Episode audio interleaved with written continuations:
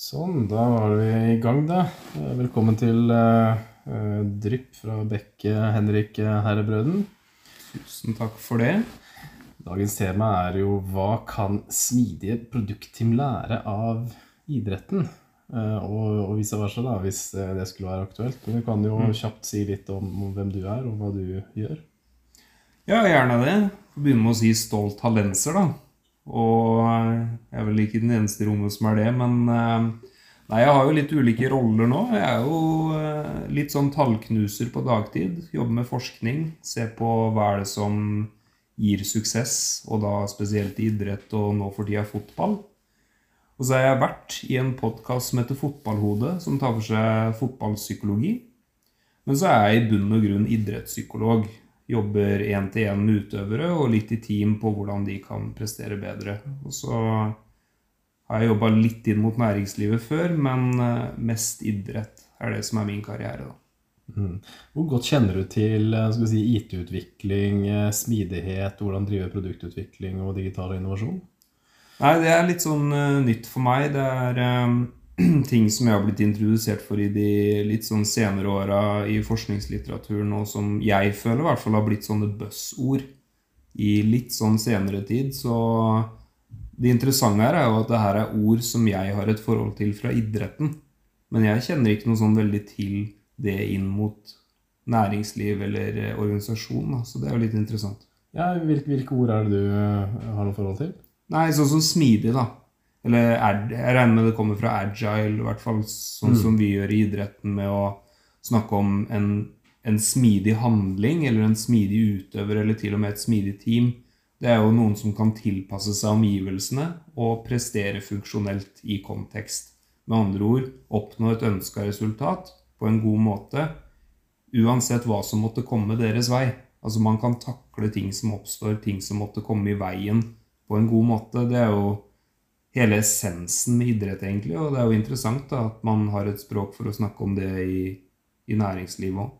Ja, for Når du sier det, så høres det jo helt identisk ut til det man forsøker å oppnå med, med IT-utviklinga. Det å kunne, kunne klare å møte uforutsette omstendigheter og reagere raskt. Og da er jo eh, heller enn å reagere raskt eh, mot en ball som kommer inn mot deg, så handler det her om å reagere raskt i form av å kunne kode og få den koden ut til eh, kunden, da, typisk. Mm.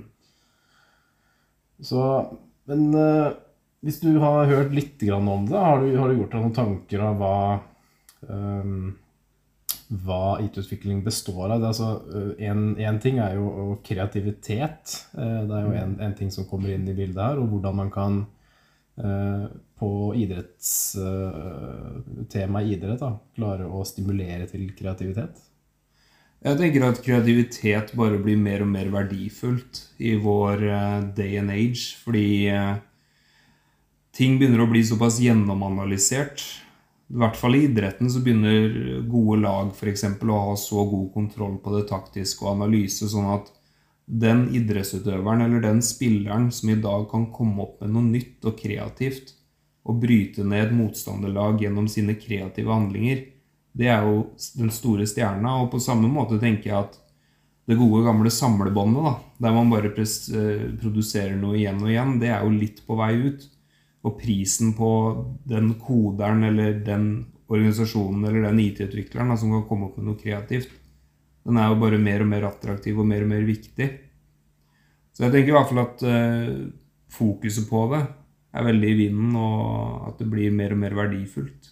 Mm, hvordan jobber en, en leder i en, en vilkårlig eh, type sport med å stimulere til kreativitet?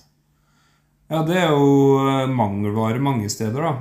Og vi vet jo kanskje mer om hva som ødelegger kreativitet, og det er jo litt mer sånn fryktbasert eh, ledelse, og det fins jo dessverre mange steder fremdeles i dag. Det er jo spillere som kommer hjem fra særlig mange steder i utlandet hvor de har hatt en ganske sånn autoritær trener.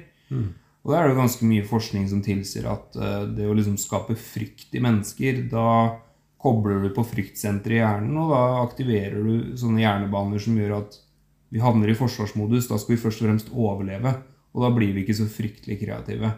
Så hvis du skal fremme kreativitet, i hvert fall på idrettsbanen, så handler det om å kunne gi litt autonomi og frihet til de som skal være kreative.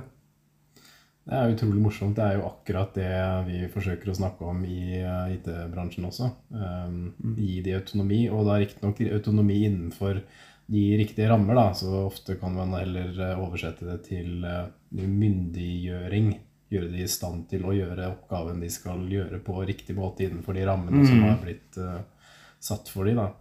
Um, en ting som har kommet opp veldig mye den siste tiden gjennom forskninga til Amy Edmundsen og, og, Project Aristotle hos Google, er jo det temaet med psykologisk trygghet. Det er noe alle snakker om uh, for tiden. Er det noe som kommer opp i idrettspsykologien, egentlig? Nei, det er faktisk et av de buzzorda som jeg først og fremst bare har hørt om i organisasjon og næringsliv. Jeg har faktisk hørt uh, veldig, veldig lite om det i idrett. og Min hunch og mitt inntrykk er bare at uh, de trenerne og lederne som klarer å skape det i idrett, kanskje litt intuitivt, uten at de nødvendigvis har hørt det ordet psykologisk trygghet, det er de som gjør det best. Mm. Og, og, der har jeg kjørt litt sånn kasusstudier på visse trenere som har hatt ganske mye suksess opp igjennom. Og jeg mener jo at de gjør en del ting riktig på den måten, at de klarer å skape det. Men det begrepet syns jeg ikke har fått rotfeste. Der, der syns jeg næringslivet ligger foran. Mm. Ja, nei, Det er jo et eller annet med de eh, gode teamene. Både du og jeg har vært på team som i varierende grad har vært eh, gode og ikke i, i idretten. Um, så det er jo litt morsomt å, å, se om vi kan klare å finne en eller annen bridge da, fra, uh, fra den IT-utviklinga. For det er det som er greia. Den, uh, Project Aristotle gikk jo på at det var fem ulike variabler som, uh, som tilsa hvorvidt en av teamene var suksessrike. da. Mm. og det var Psykologisk trygghet var jo helt på toppen. Eh, men også, også uh, dependability, altså at, at de øvrige teammedlemmene fikk ting gjort på, på, den tiden de skulle gjøre det. At du mm. kunne stole på at de andre gjorde den jobben sin. Da. Også struktur og klarhet. Og da tenker jeg også både når det gjelder det å stole på den som sitter, står ved siden av deg i Forsvaret, f.eks., for eksempel, eller det å mm. ha struktur og klarhet på hva er det din rolle er i den uh, i det helhetlige, taktiske tilnærminga som man har. Har du noen refleksjoner rundt det? Ja, jeg tenker at det her er viktig, og det er jo kanskje litt sånn misforstått at uh, man bare skal gi frihet, og, og, så vil det føre til kreativitet. For det blir jo altfor åpent. og og det har jo vært litt sånn eh, eksempler som er brukt, f.eks. Marit Breivik i håndball. da hun var jo litt kjent for å kjøre en relativt åpen tilnærming, der hun f.eks. i en timeout kunne si Hva tenker vi nå? Hva skal vi gjøre her? Og det som var greia der, var jo at det kan hun gjøre fordi planen er såpass god på forhånd. Det er lagt en veldig god plan. Og så hadde hun ganske sterke lederskikkelser i laget sitt også. Og der vil nok både IT-utvikling og idrett ha noe til felles. At det åpne spillet, altså bare helt fullstendig frihet, det blir for åpent. Phil Jackson eh, er vel et annet eksempel. Han som trente Chicago Bulls med Michael Jordan osv. Han hadde jo et trekantsystem, triangle, triangle offense, som eh, er ganske sånn satt ved at han ville ha visse spillemønstre. Men innenfor det mønsteret så var det fortsatt masse rom for Michael Jordan og de andre til å være kreativ. Så, mm. Sånn som det du trakk fram der med struktur, da, og kanskje til og med også en viss grad av hierarki, mm. det tror jeg nesten du må ha. I hvert fall i sånne åpne idretter, som det kalles, da, sånn som fotball og basketball, hvor mulighetene er så mange. Så tror jeg nesten at du er avhengig av litt struktur. Men så handler det om å gi psykologisk trygghet og autonomi innenfor den rollen. Og ikke gå inn og kjøre micromanagement og kanskje mene for mye om sånne detaljer. Og, og i hvert fall ikke skape for mye frykt for å gjøre feil, da, for det kan i hvert fall hemme kreativitet. Så frihet innenfor en ramme tror jeg er nøkkel. Mm. Ja, Du nevnte det med, med, frykt for å feile og micromanagement. Uh, hvor langt har du kommet i si, idrettsforskninga på, på akkurat det? Nei, igjen så syns jeg jo at uh, vi begynner å få ganske mye forskning på Sånn som jeg nevnte i stad, at uh, hvis du går rundt og er veldig redd, veldig redd for å feile og drite deg ut, så spiller du med håndbrekket på. Og det, det, er ikke umulig å være kreativ da, men det er jo hjernen vår skrudd sammen sånn at uh, da blir vi litt mer forsiktige, for da er vi litt mer sånn at nå skal vi beskytte oss sjøl og vokte oss mot farer. Så det vet vi jo nå etter hvert. Og vi vet jo også at f.eks. Uh, Filippe Coutinho som plutselig kommer til et nytt lag i Premier League og får en trener som stoler på ham, så leverer han plutselig så bra som alle har venta på at han skal gjøre i flere år. Mm. Så vi begynner liksom å få sånn god peiling, syns jeg, da. Men det er fremdeles veldig mange trenere som prøver å skape frykt og spre frykt. Og det tror jeg er fordi at Frykt er ganske sånn effektivt for å kontrollere folk og sette de til å gjøre ganske enkle handlinger. Det kan funke på det enkle. Mm. Men så er jo ankepunktet da, at det gjør deg for det første ganske sliten å gå rundt og være redd. Og så dreper det jo kreativitet da, i mm. veldig mange tilfeller. Kanskje der IT-utvikling skiller seg ut på en måte fra, fra mange andre typer yrkesretninger. Der er det det å, å, kode, det å finne nye løsninger, det å drive med innovasjon det, altså, du, du, er nødt til å ha kreativitet, både for å komme opp med nye ideer, men også hvordan du skal uh, løse problemer, som du ser. Uh, ja, og så er jo koding, sånn som jeg tolker det da, Jeg koder jo litt selv. Jeg er jo en nybegynnerkoder, vil jeg kalt meg sjøl. Jeg koder litt i forbindelse med forskninga og syns det er veldig fascinerende og har veldig respekt for de som er gode på det. og jeg tolker jo koding litt som en type idrett à la spydkast, hvor det ikke spiller så stor rolle om du har fire elendige kast, hvis du har ett bra. Mm. For da vinner du OL.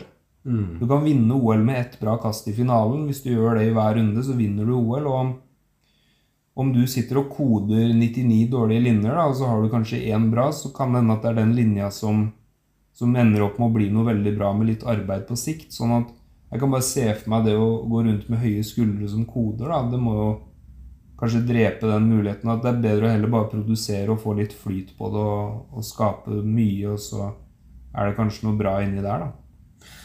Ikke sant? Det, jeg begynner jo å tenke litt på Siden det virker å være ganske solid forskning på det med å også skape trygghet i en idrettssammenheng. Altså, hvorfor For det er jo også tilfellet når det gjelder IT-utvikling rundt omkring, at det er, eh, du har ledere som om ikke, De er kanskje ikke opptatt av å skape en fryktkultur, men de er opptatt av å eh, kanskje ha kontroll på hva som skjer. da, Kanskje litt kontrollerende, litt micromanagement. Eh, og det virker å være en ting det er ganske vanskelig å skjelke bort. Så hvorfor, hvorfor består det her fortsatt hos alle de teamlederne? Jeg tror du sa det der. altså Jeg tror du sa det ved ordet kontroll. Jeg, jeg har jo en, hatt en del oppfølging med ledere og da trenere, særlig innenfor idretten. og hatt litt treneroppfølging, og da er det jo noen av de som jeg observer, observerer mens de har sånne spillersamtaler. da, og En ting jeg har bitt meg merke er at det er veldig sånn autoritært, diktatorisk. At liksom en spillersamtale er nesten bare at treneren sitter og formaner hvordan treneren vil ha ting og forventer visse ting av spilleren. Så jeg har liksom spurt hvorfor er det så enveis, liksom. Da koker det liksom ned til at jeg vil ha ting på min måte. Mm. Og, og, det er jo liksom forska mye på særlig primærdyr, altså rotter og sånn. Og det du ser, er at hvis du legger inn litt belønning og sånn, så skjer det ting. Men det er ingenting som skaper mer handling enn frykt. Hvis du setter en rotte i en labyrint og skal gå til mål, og sprøyter inn litt kattelukt, så går det fryktelig fort. Og det går i den retninga du vil ha i klare rammer. sånn at hvis du har en fryktbasert lederstil, så mistenker jeg at du har satt ganske klare rammer for hva du vil ha. Og så er frykt en ganske sånn kortsiktig, enkel måte for å sørge for at nå kommer det til å skje ting i den retningen jeg vil, for jeg har staka ut kursen. Og så skaper jeg frykt for å skape handling i den ramma. Mm. Men da skal du ha rimelig stødig kontroll på at din vei er den beste, da, hvis du kjører den stilen som leder. Og så bryter du jo helt sammen i det øyeblikket oppgaven blir mer åpen. Og kreative oppgaver er jo typisk mer åpne. Hvordan skal vi lykkes med dette her? Skape en kode som gir sånn og sånn. Kanskje komme opp med ting ingen har tenkt på. Mm. Ja, og du, det bringer liksom over tankene til eh, Skal vi si det å unngå burnout, da, fordi eh, et, et sånt tilfelle i idretten, da kan du kanskje holde det gående en, en viss tid, så blir kanskje utøveren eh, lei. Nå har jeg ikke lyst til å drive med idretten lenger, fordi nå føler jeg at jeg blir, det, er ikke noe, er ikke noe gøy, rett og slett. Og på lik linje skal jeg tenke IT-utvikling at det er likt, ikke bare for de som sitter og er utviklere, men alle som jobber i, teamet. da. Og idretten har jo ganske godt forhold til Eh, til mye av det her når det gjelder det fysiske. Altså det med load management for å unngå burnout. Mm. er det noe å, å, å, hente der fra tankesettet til uh, toppidrettsutøvere? Ja, det her syns jeg kanskje er noe av det som jeg tror kan være mest å hente på for uh, IT-utvikling og næringslivet generelt. Altså Greia i idrett er at load management blir så tydelig. Det er litt sånn at hvis du overloader, så får du deg en skade. Mm. Og hvis du ikke hviler nok, så kommer du bare rett og slett ikke til å løpe fort nok så du vinner. Men jeg mener at mye av det samme utspiller seg innen IT-utvikling og andre jobber, bare litt mer skjult. Hvis vi skal trekke tilbake til smidighet, da, så er et konsept innenfor uh, fysisk trene, treningsvitenskap på, på idrettsbanen er et konsept innen smidighet som heter pretensjon. At hvis du skal være smidig, så må du komme inn i en situasjon med litt pretensjon. Dvs. Si at du har litt spenning i musklene. Altså, hvis du står rett opp og ned med strake bein, så er du ikke klar til å gå i ulike retninger. Da er du veldig lite smidig. Mens hvis du bøyer beina dine og skaper litt spenning i musklene, da kan du plutselig gå kjapt til høyre og venstre, bak og fram. Men det forutsetter jo at du har nok overskudd til å skape den spenninga. Hvis du kommer inn og er helt utslitt i musklene dine, så klarer du ikke å skape nok pretensjon, nok spenning, til at du kan gå alle veier. Og hvis vi skal trekke det inn til IT-utvikling, da, hvis du kommer på jobb og er, er helt sluttkjørt, du er kjempesliten, du er tung i hodet, så er du etter min mening ikke lada nok, da. Altså, revolveren er ikke ladd nok, hjernen din er ikke skarp nok, klar nok til å gjøre det tunge arbeidet og finne de kreative løsningene. Så for meg handler jo load management om å komme på jobb med, en, med et overskudd og en kapasitet til så du faktisk kan være kreativ. da. Og det blir kanskje litt mindre tydelig innenfor IT-utvikling, for vi har ikke like klare mål på prestasjon. Men jeg mener det går an å se til idretten hvor flinke de er til å hvile. da, og skal vi si, hvor late toppidrettsutøverne er når de skal være late. Ja, eh, og jeg er jo en veldig stor fan av å ta, uh, virkelig ta skikkelige pauser uh, når man jobber. Og mm. det er noe som ja, er, Jeg syns det er rart at ikke vi, vi har et bedre forhold til det. Jeg føler det fortsatt er litt tabu hvis, ja. du, hvis du legger deg ned og tar en powernap midt, midt i fellesområdet, f.eks. Men kanskje det faktisk ville vært det som gjorde at du fikk overskuddet. da og, og, kreativiteten til å løse et problem du hadde. Jeg har alltid syntes det har vært uh, ganske fascinerende. Så... Ja, det blir uglesett. Det var en forsker som ved tilfeldighet observerte det sjamaikanske sprintlandslaget på trening i forbindelse med OL for noen år siden. Og, og han ga nesten opp og gikk ganske fort fordi det var 90% hvile. Altså, de lå liksom strødd og tøya og slappa av og sånn. Men det er sprint. Mm. Sprint er mest hvile fordi du hviler, og så yter du noe med full sprint. Og det er det som er verdifullt. Det har de jo begynt å finne i fotball òg. Før var man veldig opptatt av hvor langt løper spilleren i løpet av en kamp. Og så har man jo funnet ut nå i nyere tid at det er ikke antall kilometer totalt. Det er antall sprinter. Det er hvor mange sprinter du har i løpet av en kamp som betyr noe. Og det er jo nesten et spørsmål fra meg til dere. da. Vil ikke det kunne overføres til næringslivet? Fordi det er jo samme hvor mange timer du jobber. Men det er jo hvor mye, mange minutter med kvalitet du kan ha. Mm. Som vil avgjøre hvor mange kreative løsninger du kommer opp med, og hvor mye produktivitet du har. Vil ikke det? Jo, eh, det høres jo veldig logisk ut. Og jeg sliter litt med å komme på det eneste konkrete tanken her om hvordan du skal få det her til. Da. Det er bare å aktivt fokusere på å ta uh, gode pauser. Og de pausene som er vanlige i arbeidslivet, du har en lunsjpause. Uh, mm. Vet du hva, Lunsjpause er faktisk ikke en pause. Du må være, du må være sosial rundt lunsjbordet. Og for mange så er det, hvis du er introvert f.eks., så vil det være enda mer belastende for Mm. uh, Hva skal jeg si For, for hjernen, da. Og det vil vel være mange innenfor IT-utvikling som er, vil jeg tro. Mange er vel introverte der. Ja, det er en eh, Jeg hadde en runde i det teamet jeg sitter i nå, og da var det mange som punkterte at de var litt eh, introverte. Det har jo vært en sånn stereotyp, føler jeg, mer enn at jeg har eh, tenkt at det må stemme, fordi de fleste jeg jobber med, er sosiale, sosiale dyr. Men det er veldig vanskelig å, å vite selv om folk er sosiale. altså Blant annet hvis du ser på den Big Five, personlighetstesten Mm. osv., så, videre, så eh, ofte de du tror er ekstroverte, er egentlig ganske introverte. Type komikere. Ja. Mm. Ja, for det er jo ulike fasetter, og jeg har jo en eh, personlighetsprofil hvor jeg tror jeg kommer ut som ekstrovert totalt sett, men det er jo en fasett av ekstroversjon som er eh, sosiabilitet, heter det vel, og det er hvor du lader batteriene best. Mm. Og den har jeg soleklar på alene, altså introvert.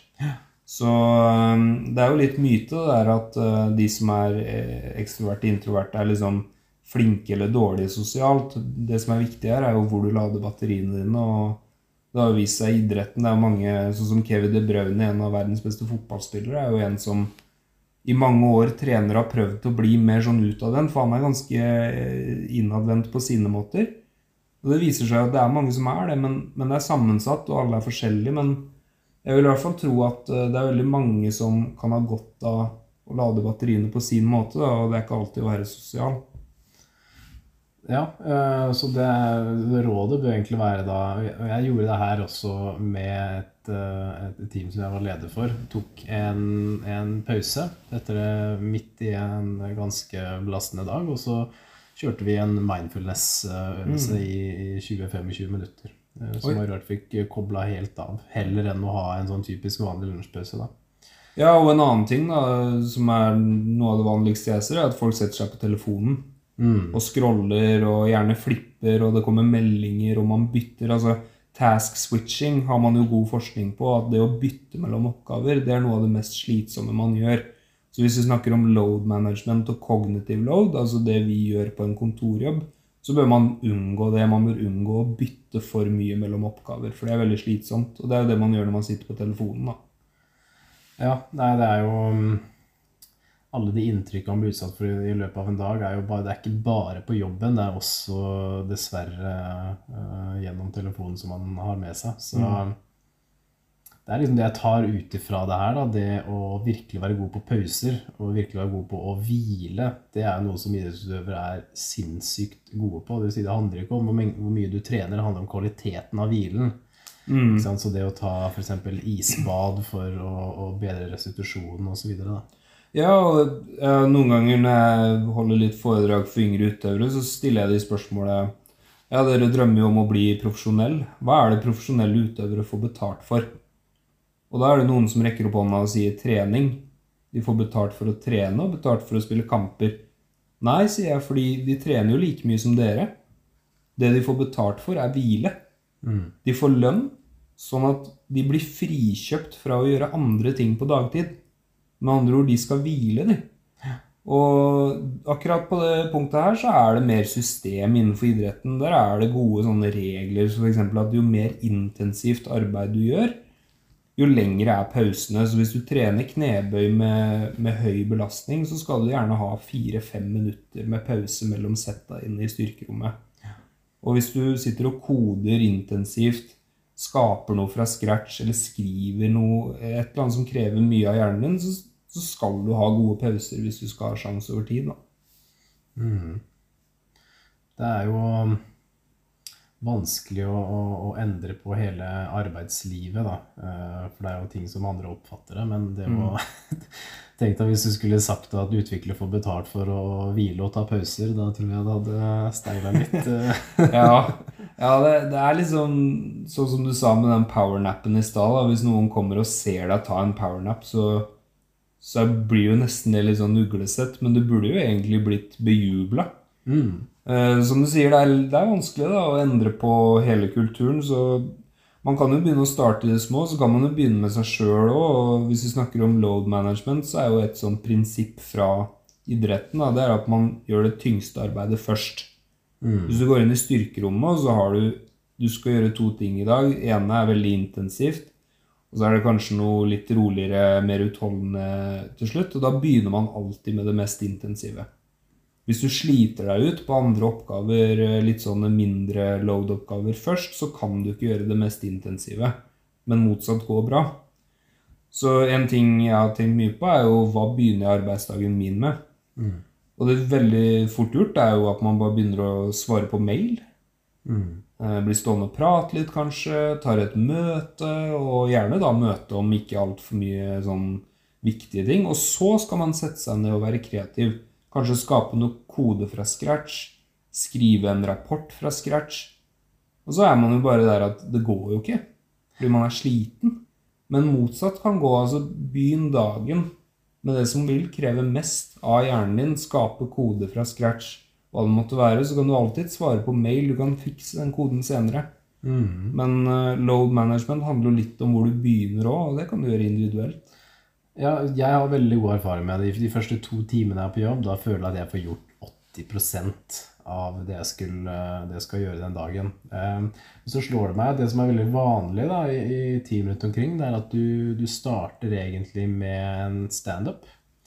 Eh, Mm. Hvor alle forteller om eh, si, hva de gjør. Og, og det er en veldig fin måte å koordinere uh, hvordan et team arbeider. Da. Men det slår meg at kanskje det beste ville være å la de to første timene være at du følger opp det du gjorde på gårsdagen. Uh, og så, etter det, så kan du uh, begynne å, å koordinere med det andre teamet. Så kanskje det er en, en, en tips da, til hvordan vi skal strukturere hverdagen for, for, eh, teamene. Ja, det er veldig interessant, eh, og akkurat hvordan det der gjøres, vil kanskje avhenge litt av kontekst og sånn, men det vi snakker om her, er jo først og fremst rekkefølgen på ting. Og vi har jo gjerne en sånn rekke med ting vi har lyst til å oppnå, og om du gjør A før B eller B før A, det, det har jo gjerne ikke så mye å si så lenge man får levert det man skal, og da støtter i hvert fall jeg en sånn generell tanke da, om å, om å kanskje ta det man tror vil kreve mest av hjernen først. Mm. Så ja, det er jo som Lotepus sier, det du ikke får gjort før 11, det får du aldri tatt igjen. Så det Iblant så treffer han òg. Det, eh, det er godt poeng, det, altså. At uh, om ikke det er 80% så er det i hvert fall veldig mye av det man faktisk får gjort. Mm. Virkelig arbeid. Og da snakker jeg ikke bare om å liksom svare på en mail, da snakker jeg om ekte arbeid. Det å faktisk skape noe, da. Det er jo det det er å være IT-utvikler. Det er jo det som er vanskelig. Det er det som er verdifullt. Det å skape noe, det gjøres kanskje Ja. ved starten. Og, og målene i idrett det kan jo gjerne typisk være enklere å forholde seg til da, enn alle de ulike målene du må forholde deg til uh, i IT-utvikling. Um, og all compliance, dokumentasjon og alt som må være på plass. Um, er det noe å lære av idretten knytta til det å på en måte virkelig tydeliggjøre det enkle målet? F.eks. nå skal jeg til OL om fire år, eh, og så legge en slagplan for det. For det, er, det vanskelige med IT-utvikling er at selv om du setter det målet overordna at du skal dit, eh, så må du hele tiden endre på ting. da. Ja, jeg jeg syns det har vært et forsøk.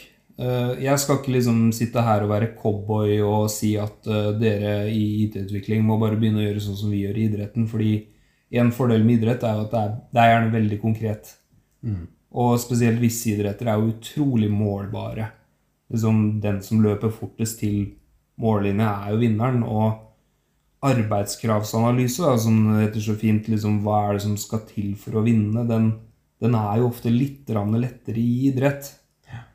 Og hva som er suksess, er jo kanskje ofte litt mer diffust innenfor næringslivet og kanskje innenfor IT-utvikling spesielt. Sånn at uh, likevel, da, så har i hvert fall jeg ganske god erfaring med det, både på jobb for min egen del, men også når jeg jobba med andre innenfor vanlige jobber, da, eller IT-jobber også. Det er jo at man Det går faktisk an å sette seg ned og prøve å bryte det ned.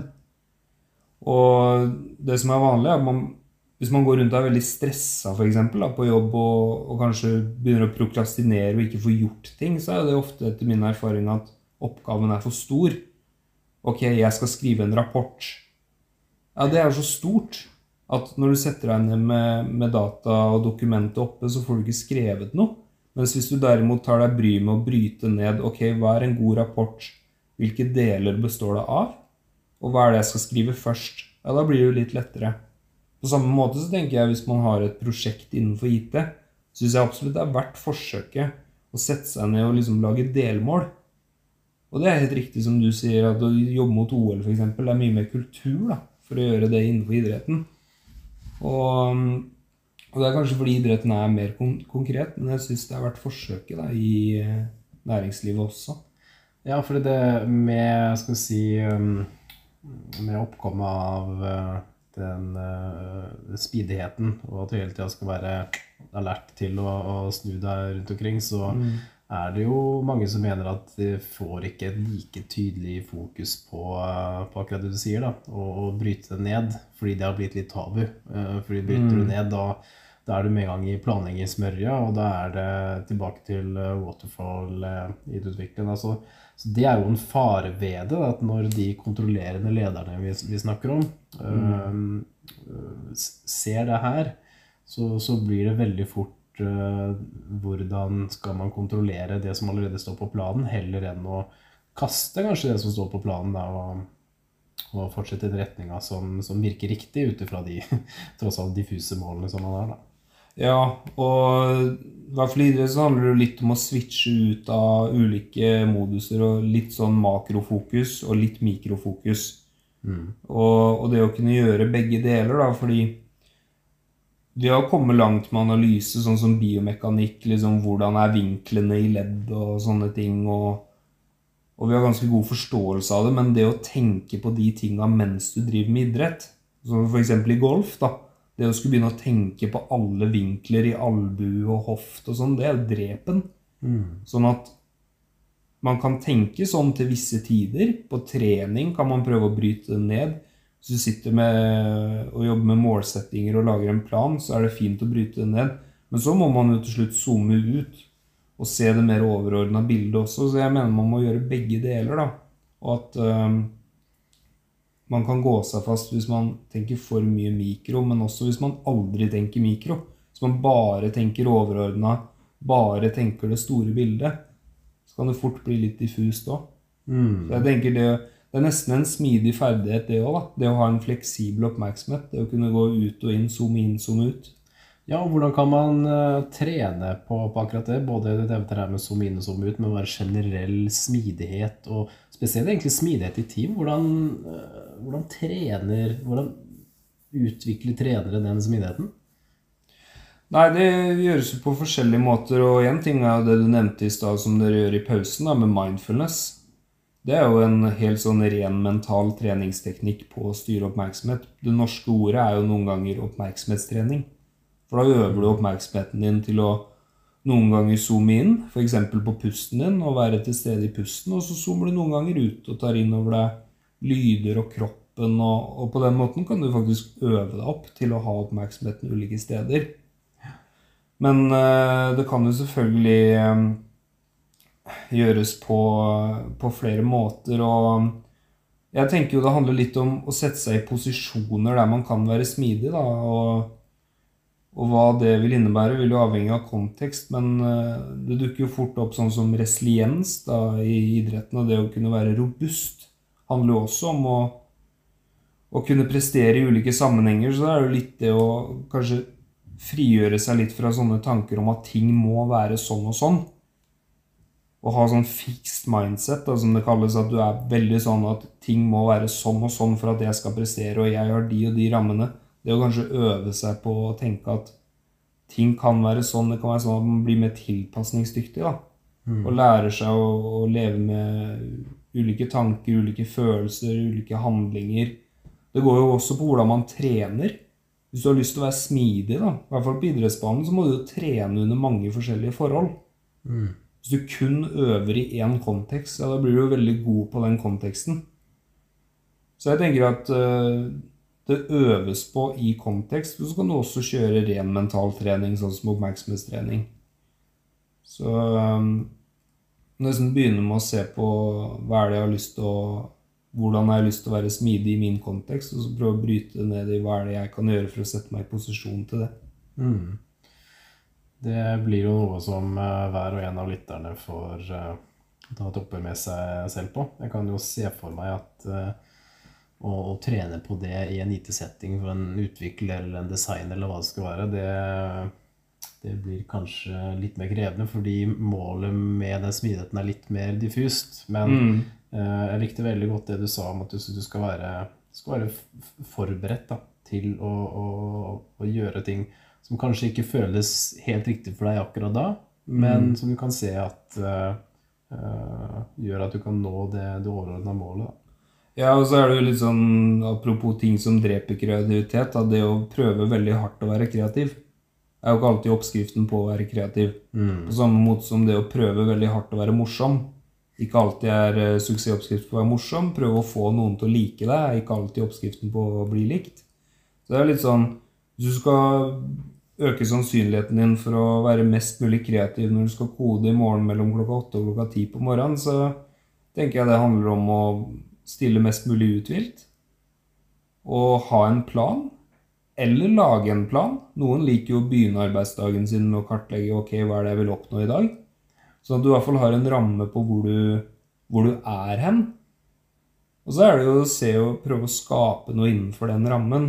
Og en ting jeg merker veldig på utøverne jeg jobber med, da, det er at mange av de er nettopp redd for å feile.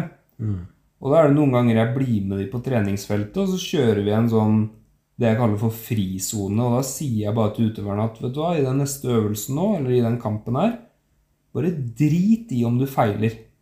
Du kan skylde på meg. Du kan bare gå ut der, og så slår du deg løs. Bare prøv, prøv å skape noe. Drit i om det er bra. Do it badly, som de sier på engelsk. Altså bare gjør det. Og ikke tenk så forbanna mye på konsekvensene. Og da er det ofte mye bra ting som skjer. Så det skjer jo da i, i selve situasjonen etter at du har satt deg i en god posisjon til å kunne skape noe, og så bare gi litt slipp der og da. Så kan du heller evaluere etterpå. Det går alltid an å fikse kode. Det går alltid an å korrigere seg, men slå seg litt løs, da. Da blir det gøy òg. Ja, kanskje øve på det å, å hente seg inn igjen etter man har gjort en feil. Da. Hvis du mister ballen på, på feil banehalvdel, så, så er det jo også en treningssak å, kunne hente seg inn i en etterkant. Og det går veldig tett i, i kjernen på det med myteutvikling. At det handler ikke nødvendigvis om hvor, hvor mange ganger du, du mister ballen, men hvor raskt klarer du å, å gjenvinne den igjen. Da. Ja, absolutt. Og der er jo arbeidskrava Det er jo lettere i en uh, IT-utviklerjobb stort sett. fordi i idretten så har du som regel fryktelig dårlig tid hvis du mister ballen. Mens konsekvens av feil vil jo noen ganger være litt greiere i IT-utvikling ved at man som regel i hvert fall har tid til å korrigere feil. Det er nok mange i IT-bransjen som kanskje er litt uenig med det. Ja, når noen Ok. eh, streiker eh, plutselig på en uh, produsetting eh, klokka ti på kvelden, så opplever nok ikke de at eh, Og du har en tjeneste som berører eh, la Ja, oss det er si, sant. en Ja, ja. folk. Det er sant. det er sant. Eh, Nå tenkte jeg kanskje mer hvis du er i en type morgensetting der du har litt frirom til å være kreativ. Da du skal kanskje jobbe på et kreativt problem, skape noen ny kode. ja. Da mener jeg i hvert fall at altså det blir litt som å Hvis du noen gang har prøvd å skrive da, en tekst, en søknad eller en rapport samtidig som du prøver å tenke veldig på språket ditt, ja. det er vrient. Så et sånn skrivetips jeg fikk en gang, var jo bare å late som man er perfekt når man skriver, og ikke tenke på feil. Og så kan du heller rette feila dine etterpå. I sånne frie, kreative soner så vil jo det være greit. Men selvfølgelig, hvis det er tidspress involvert, resultatpress, du må levere på tid eller press av noe slag, så vil jo det være mye mer likt idrett. Og da handler det jo, som du sier, om å lære seg å bli god på å kanskje bruke det lille sinnet man føler, eller sånn på å gjøre neste handling god, da. Mm. Apropos tidspress, så er jo vi litt uh, pressa på tid her også. Så eh, det var veldig, veldig interessant eh, prat å ha. Og vi ser det er mange temaer her som vi kan snakke mer om på en senere anledning. Men eh, kanskje vi skulle gjøre et forsøk på å oppsummere, da. Eh, du kan jo forsøke å starte på hva er det hva er det IT-utvikling og næringslivet kan lære av idretten? Bare med sånn, noen få korte tips om hva vi bør gjøre annerledes i morgen. Liv Grete Skjelbreid, hun skiskytteren, ble jo spurt om hva hun følte var likhet og forskjell Eller forskjell først og fremst mellom idrett og næringsliv. Hun har gjort det veldig bra i begge deler. Og da sa hun at næringslivet ligger nok en del foran på en del ting som handler om ledelse og system. Det å ha organisasjonsstruktur og ledelse, der ligger næringslivet foran. Men så ligger idretten kanskje litt foran på det som går på mentale forberedelser og det å forberede seg og hvile seg god. Og det jeg føler, er jo at eh, IT-utvikling kanskje kan se til uh, idretten for å se hvordan de eh, behersker load management og hvile. Og det å sette seg i en posisjon der du kan prestere bra. Fordi i idrett så blir prestasjonen så tydelig, og det blir så tydelig hvordan du leverer. Og derfor tror jeg de har blitt veldig nøye på sånne ting som forberedelser. Så det ville vært veldig spennende da, hvis eh, IT-utviklere kan eh, gå litt nye veier og se dit. Og så er det helt sikkert veldig mye idretten kan lære av IT-utviklere også. Mm. Ja, men det er eh, Det var gode avslutningsord, og så får vi bare ønske alle toppidrettsutøverne i IT-utviklingsteam lykke til med videre ferden.